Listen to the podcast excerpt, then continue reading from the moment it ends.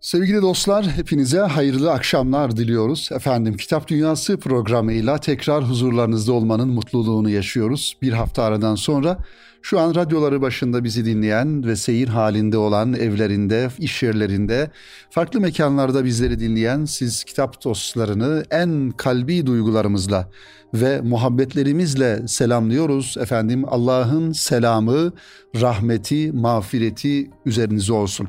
Kıymetli dinleyenlerimiz, gönül gündemimizin ve gönül coğrafyamızın en önemli ve gönlümüzü kanatan, yüreğimizi sızlatan noktasının Gazze olması hasebiyle bugünlerde ve diğer İslam coğrafyalarında yaşanan hadiselere kayıtsız kalmama adına hep gündemimizde tutmamız gereken konular bunlar olduğuna göre Şüphesiz biz de programımızı yaparken Gazze'den bahsetmeden, Filistin'den bahsetmeden, Müslümanların dertlerinden, Müslümanların ızdıraplarından ve dünya Müslümanlarının içinde bulunmuş olduğu durumlardan bahsetmeden şüphesiz cümlelerimizi kuramıyoruz, kurmamamız gerektiğini düşünüyoruz. Onun için önümde farklı kitaplar, farklı konular olmasına rağmen her defasında ve her, her hafta sizlerle bu gönlümüzden geçen bu burukluğumuzu, hüznümüzü, sıkıntılarımızı, dertlerimizi ümmet adına yaşamış olduğumuz bu e, efendim acıları bir nebze de olsa belki hafifler düşüncesiyle paylaşmaya devam ediyoruz. Evet, acılar paylaşıldıkça azalır, sevinçler paylaşıldıkça çoğalır diye bir söz var ya, işte o cümleden belki bir şey yapamıyoruz. Bir şey yapamamanın hüznünü, ızdırabını yaşıyoruz ama acılarımızı da konuşmak belki bir yönüyle bizleri biraz daha rahatlatır diye düşünüyoruz. Gazze e, Gazze'deki katliamın neredeyse 50. günü iki aydan beri orada İsrail zulmünün yaşandığı ve dünya Müslümanlarının onurunu yücelere kaldıran, yükselten bir direnişin sembolü olan Gazze'deki kardeşlerimiz. Her gün her 10 dakikada bir çocuğun şehit edildiğini, öldürüldüğünü söylüyor e, ilgili insanlar. Her akşam televizyonlarda bu konu tartışılıyor ve konuşuluyor. Konuşulması da gerekiyor ancak kör olan dünyanın vicdanına maalesef bir şey gösterilemiyor. Sağır olan efendim dilsiz olan dünyanın vicdanına bu çocukların feryadı, bu insanların acısı ulaşmıyor, ulaşamıyor. Onun için sevgili dinleyenlerimiz bu konuda e, düşüncelerimizi ifade ederken iç burukluğumuzu, yürek yangınımızı da bir taraftan söylemek gerekiyor. Her geçen gün Gazze ile alakalı, Filistin ile alakalı farklı çalışmalar, farklı projeler yapılıyor hamdolsun İslam dünyasında başta ülkemiz olmak üzere yapılmaya da devam ediyor, yapılması da gerekiyor. Eminim ki oradaki kardeşlerimiz bu yapılan çalışmalardan büyük bir moral ve motivasyon buluyorlar, seviniyorlar ve farklı ülkelerde de olsa, farklı coğrafyalarda da olsa kendilerini düşünen ve onlar için dua eden, onlar için bir takım işler yapan, yapma niyetinde ve gayretinde olan insanların olduğunu görüyorlar. Gördükçe de motivasyonları artıyor. Gazze'de direnişin sembolü haline gelen oradaki insanlar ve orada bu direnişi gerçekleştiren Hamas e, üyesi olan kardeşlerimiz e, kendi topraklarını, kendi efendim insanlarını, halkını İsrail'in kat, katliamından, zulmünden korumak için adeta sadece İsrailli katliamcılarla değil, onların arkasında bulunan sözde süper güç olan devletlerle efendim e, Amerika'sıyla, İngiltere'siyle, Fransa'sıyla onlarla mücadele ediyor aslında. Sadece görünen yüz olarak İsrail devleti, katil İsrail ordusu görünen yüz ama arkasında onların kullanmış oldukları silahları, onların kullanmış oldukları mühimmatları, uçakları onlara temin eden, onlara veren ve orada Müslüman kanı döktüren biliyoruz ki dünyanın sözüm ona süper devletleri sevgili dinleyenlerimiz. Bu duygularla programımızı başlatırken kıymetli dinleyenlerimiz bu hafta da sizin için hazırlamış olduğumuz yine birbirinden güzel ve gönüllerimizi belki bir yönüyle inşa eden, ufkumuzu açan, bize bir dünya görüşü oluşturabilecek kitaplardan derlediğimiz kitapları inşallah muhtevalarıyla beraber aktarmaya devam ederim. Kaç günden beri daha doğrusu kaç haftadan beri önümde bir efendim e, büyük şairin hem hayatını hem de onunla ilgili yazılan e, kitabı anlatma e, niyeti vardı. Okur dergisinden Kamil Büyüker beyefendinin kaleme almış olduğu Sürgünde bir büyük şair İbrahim Sabri e, başlığıyla bir e, efendim e, portreyi inşallah aktaracağız programımızın bu dakikalarında sevgili dinleyenlerimiz.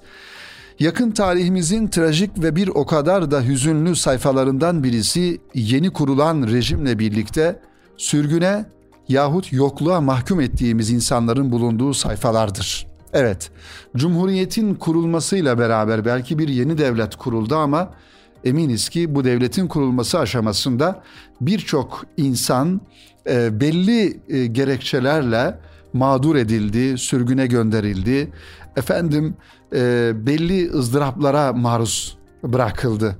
E, bunu özellikle Cumhuriyet'in kurulmasının ilk yıllarında hem ülkemizden sürgün edilen ya da ülkemizde yaşadığı zaman içerisinde yaşamış olduğu ortamlar kendisine dar edilen insanların hayatlarından görüyoruz. İşte onlardan bir tanesi de İbrahim Sabri ismiyle efendim e, bir şair, bir mütefekkir. Biraz yakından tanımaya çalışalım kim olduğunu İbrahim Sabri'nin. Kimisi sadece hanedan üyesi olduğu için yokluğa mahkum edilmiş, kimisi de yeni rejimin kodlarına uymadığı için sınır dışı edilmiş. Hüzün ve büyük bir dramla neticelenen hayatlar bizden ve bu topraklardan koparılmış oldu. Bu isimlerden birisi de son Şeyhülislamlardan Mustafa Sabri Efendi'nin oğlu İbrahim Sabri'dir. Babasıyla birlikte 150'likler listesinde yer alan sürgünde Mısır başta olmak üzere Hicaz, Romanya, Gümülcine, Beyrut, İskeçe gibi şehirlerde ikamet ettikten sonra 28 Temmuz 1983 tarihinde Hakk'ın rahmetine kavuşan İbrahim Sabri, Londra'da yer alan Woking mezarlığına defnedilmiştir. Evet, son Şeyhülislamlardan birisi olan Mustafa Sabri Efendi'nin oğlu İbrahim Sabri. Sürgünde bir hayat yaşaması ve yurt dışında vefat etmesi nedeniyle edebiyatımızda çok az yer bulan İbrahim Sabri ilk defa detaylı bir çalışmaya konu oldu. Hem de Mısır Daneleri isimli şiir kitabıyla birlikte. Kitap, sürgünde unutulan Türk şairi İbrahim Sabri Mısır Danelerinden Seçmeler ismiyle ve Ekmeleddin İhsanoğlu, Ebu Zer Kalyon, Filiz Kalyon imzasıyla yayımlandı bu kitap. Üç bölüm halinde hayatı ve şiirleri değerlendirilen İbrahim Sabri'nin ilk bölümde Ekmeleddin İhsanoğlu'nun kaleminden detaylı biyografisi, şiir dünyası, Türk edebiyatından Arap edebiyatına yaptığı tercümeleri, eserleri yer alırken bu kitabın ikinci bölümünde ise Ebu Zer Kalyon ve Filiz Kalyon tarafından Mısır Daneleri isimli eseri detaylı bir incelemeye tabi tutuluyor. Üçüncü ve son bölümde ise Mısır Daneleri isimli kitaptan seçme şiirler yer alıyor. Evet biraz daha yakından İbrahim Sabri'nin hayatına bakalım. 5 Nisan 1898 yılında İstanbul'da dünyaya gelen İbrahim Sabri ilk tahsil hayatını Fatih'teki medreselerde tamamlar. Babası Mustafa Sabri Efendi'nin Meclisi Mebusan'da Tokat Milletvekilliği yaptığı esnada iddiaçıların gazabını celbetmesi İbrahim Sabri'nin de babasıyla başlayacak uzun sürgün yıllarının başlangıcı olur. İlk olarak 1913 yılında Romanya'ya Mecidiye kasabasına yerleşilir. Burada müftü ve kadı yetiştiren okula kaydolur. Bir sene sonra Romanya Birinci Dünya Savaşı'nda yenilince Bükreş'e giren Osmanlı ordusunda askerlik görevine başlar. Mütarekenin imzalanması ile İstanbul'a gelir. Darülfun'un hukuk fakültesine kaydolur. Babasıyla sürgüne gideceği yıla kadar burada okur.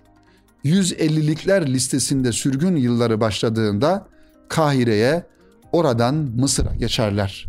Sabri Efendi, Şerif Hüseyin'in davetiyle Hicaz'a gider ama iklim buna müsaade etmez. Buradan önce Kahire, daha sonra Beyrut, sonra Romanya'ya giderler. Buradan Gümülcine ve İskeçe'ye geçilir. İskeçe'de Mustafa Sabri Efendi Yarın isimli gazete çıkarmaktadır. İbrahim Sabri burada yazılar yazar. Buradan dönemin Türk hükümetinin baskısıyla 1932 yılında ülke dışına çıkarılırlar.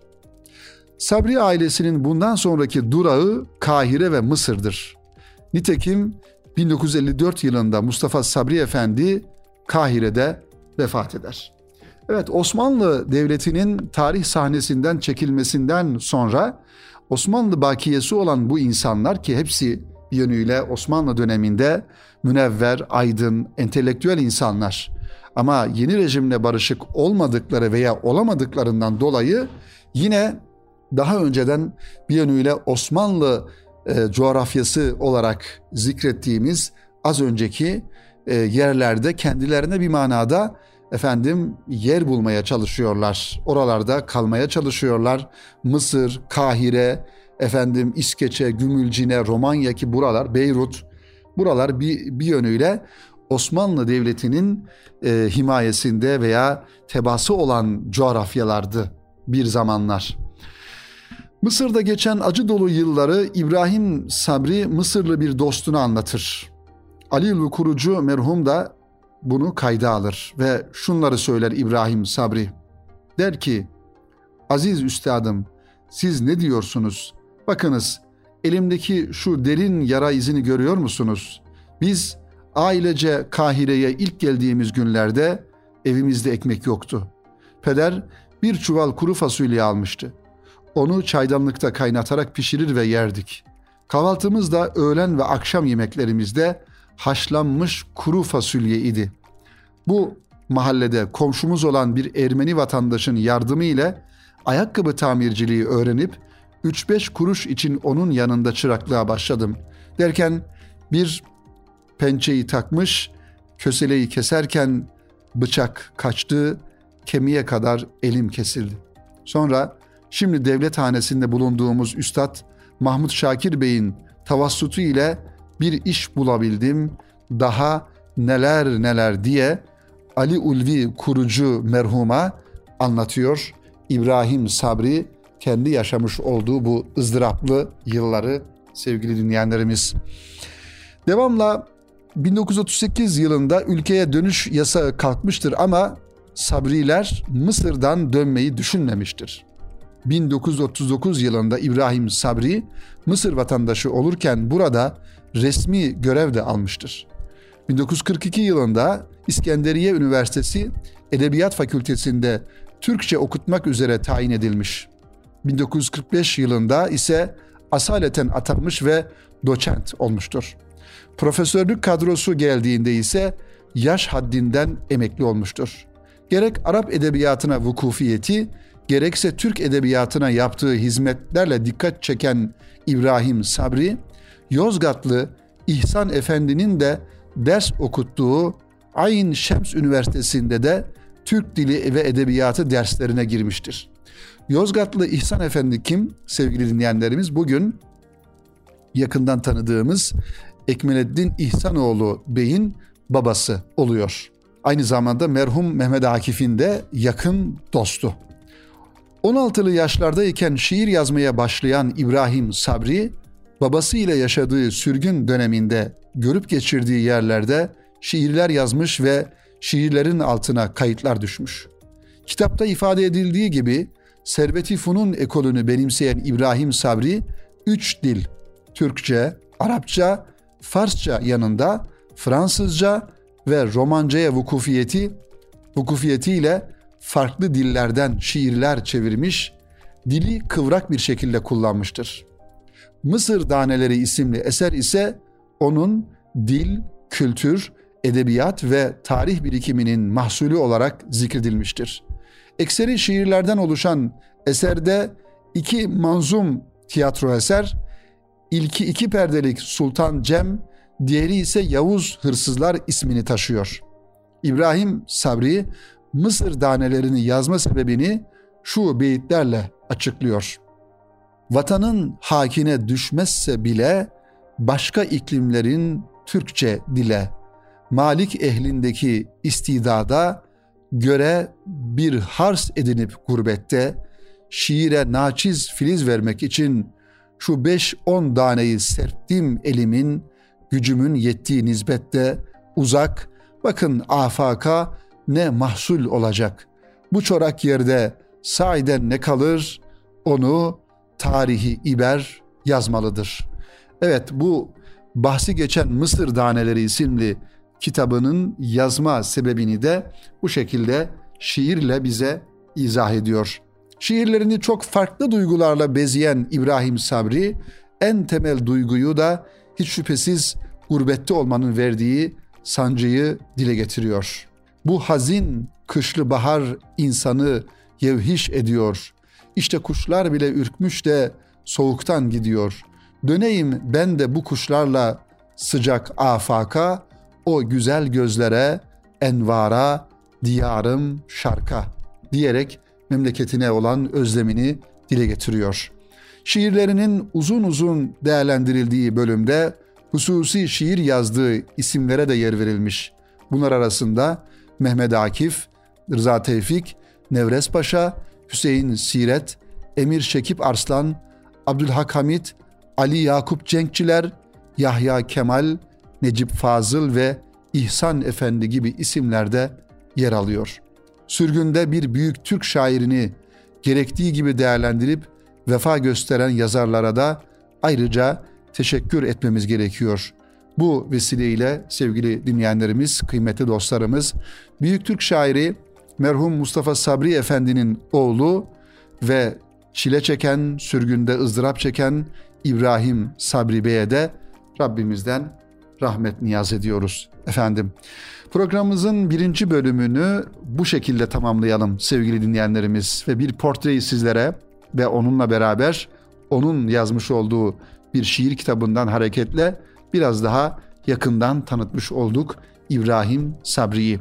Şimdi kısa bir araya gidelim ve aranın ardından Erkam Radyo'da kaldığımız yerden devam edelim efendim. Sevgili dostlar, kıymetli dinleyenlerimiz, Kitap Dünyası programının ikinci bölümünde kaldığımız yerden devam ediyoruz efendim. Radyolarını yeni açan siz sevgili kitap dostlarını tekrar en kalbi duygularımızla ve muhabbetlerimizle selamlayarak programımıza devam ediyoruz efendim. Doğan Kitap'tan çıkan güzel bir kitapla devam edelim sevgili dinleyenlerimiz. Çevireni Cem Duran. Kitabın yazarları Daron Acemoğlu ve Simon Johnson. Kitabın ismi ise İktidar ve Teknoloji.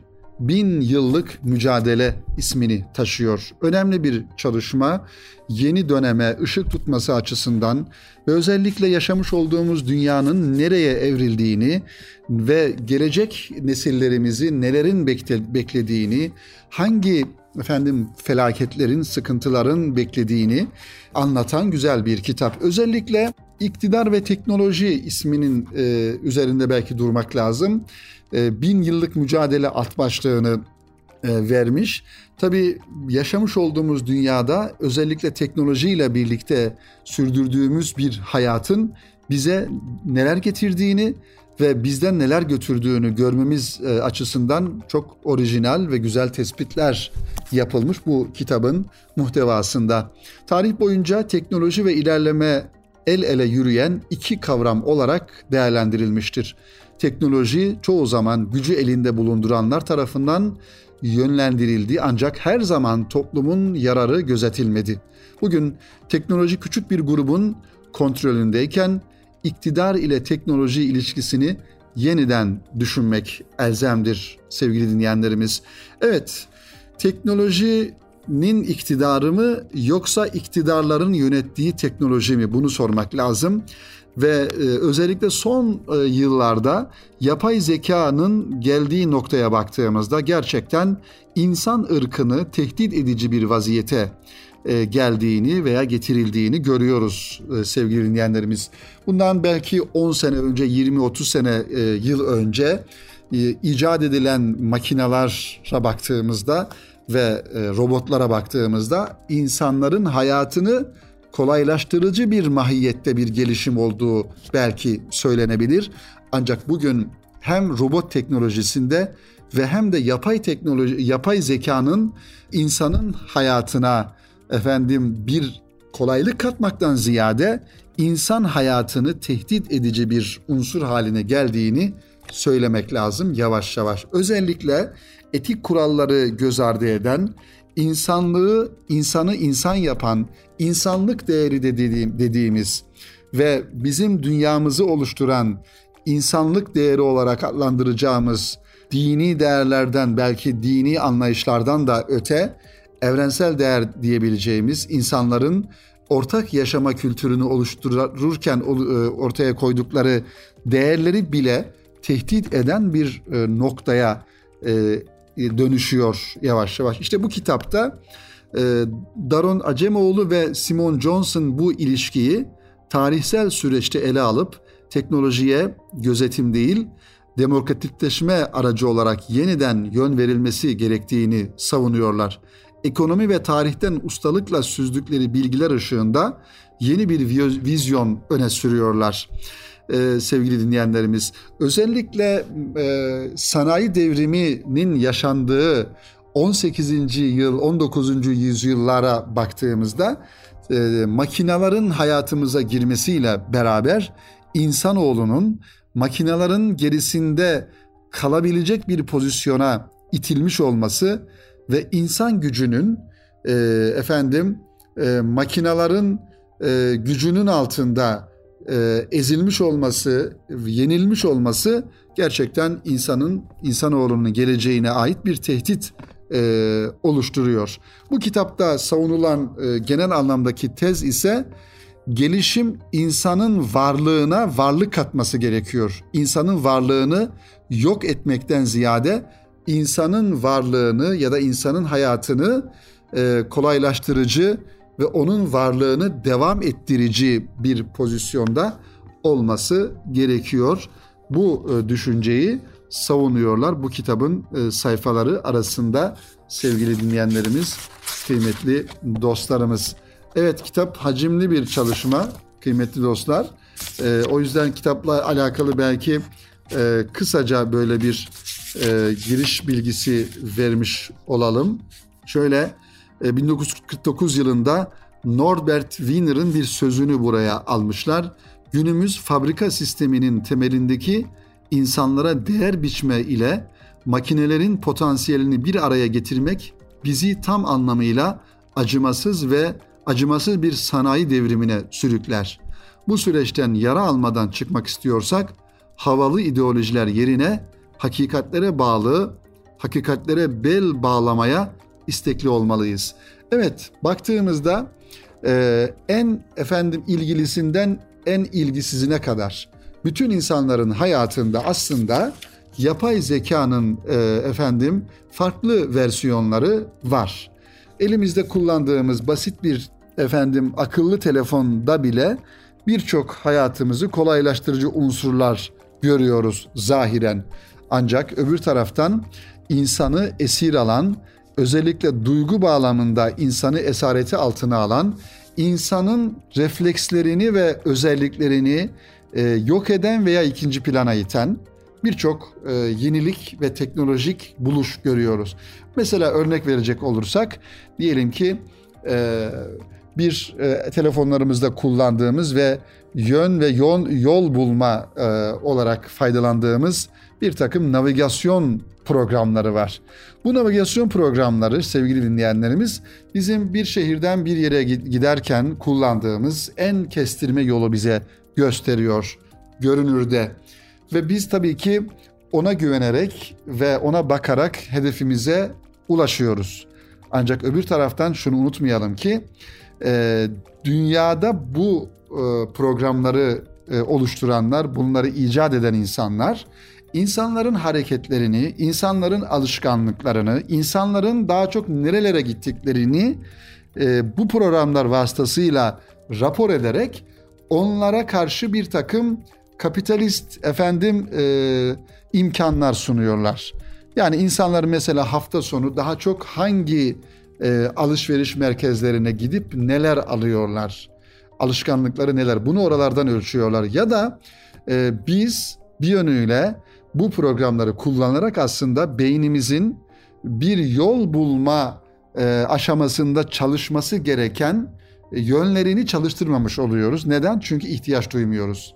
Eskiden e, tabelalara bakarak, efendim birilerine sorarak bir yeri bulurken şimdi onların hiçbirini e, hiçbirine ihtiyaç duymadan, gereksinim duymadan ya e, efendim bu navigasyon maharetiyle bulacağımız, gideceğimiz yere gitmiş oluyoruz. Çok kolaylık gibi gelse de aslında biz burada bir sosyalleşmeden mahrum kalıyoruz. İnsanlarla temas kurmadan oraya gidiyoruz. Önceden arabamızı durdurup birilerine falan yere gitmek istiyorum, nasıl giderim sorusunu sorarken bir sosyalleşme yaşamış oluyorduk.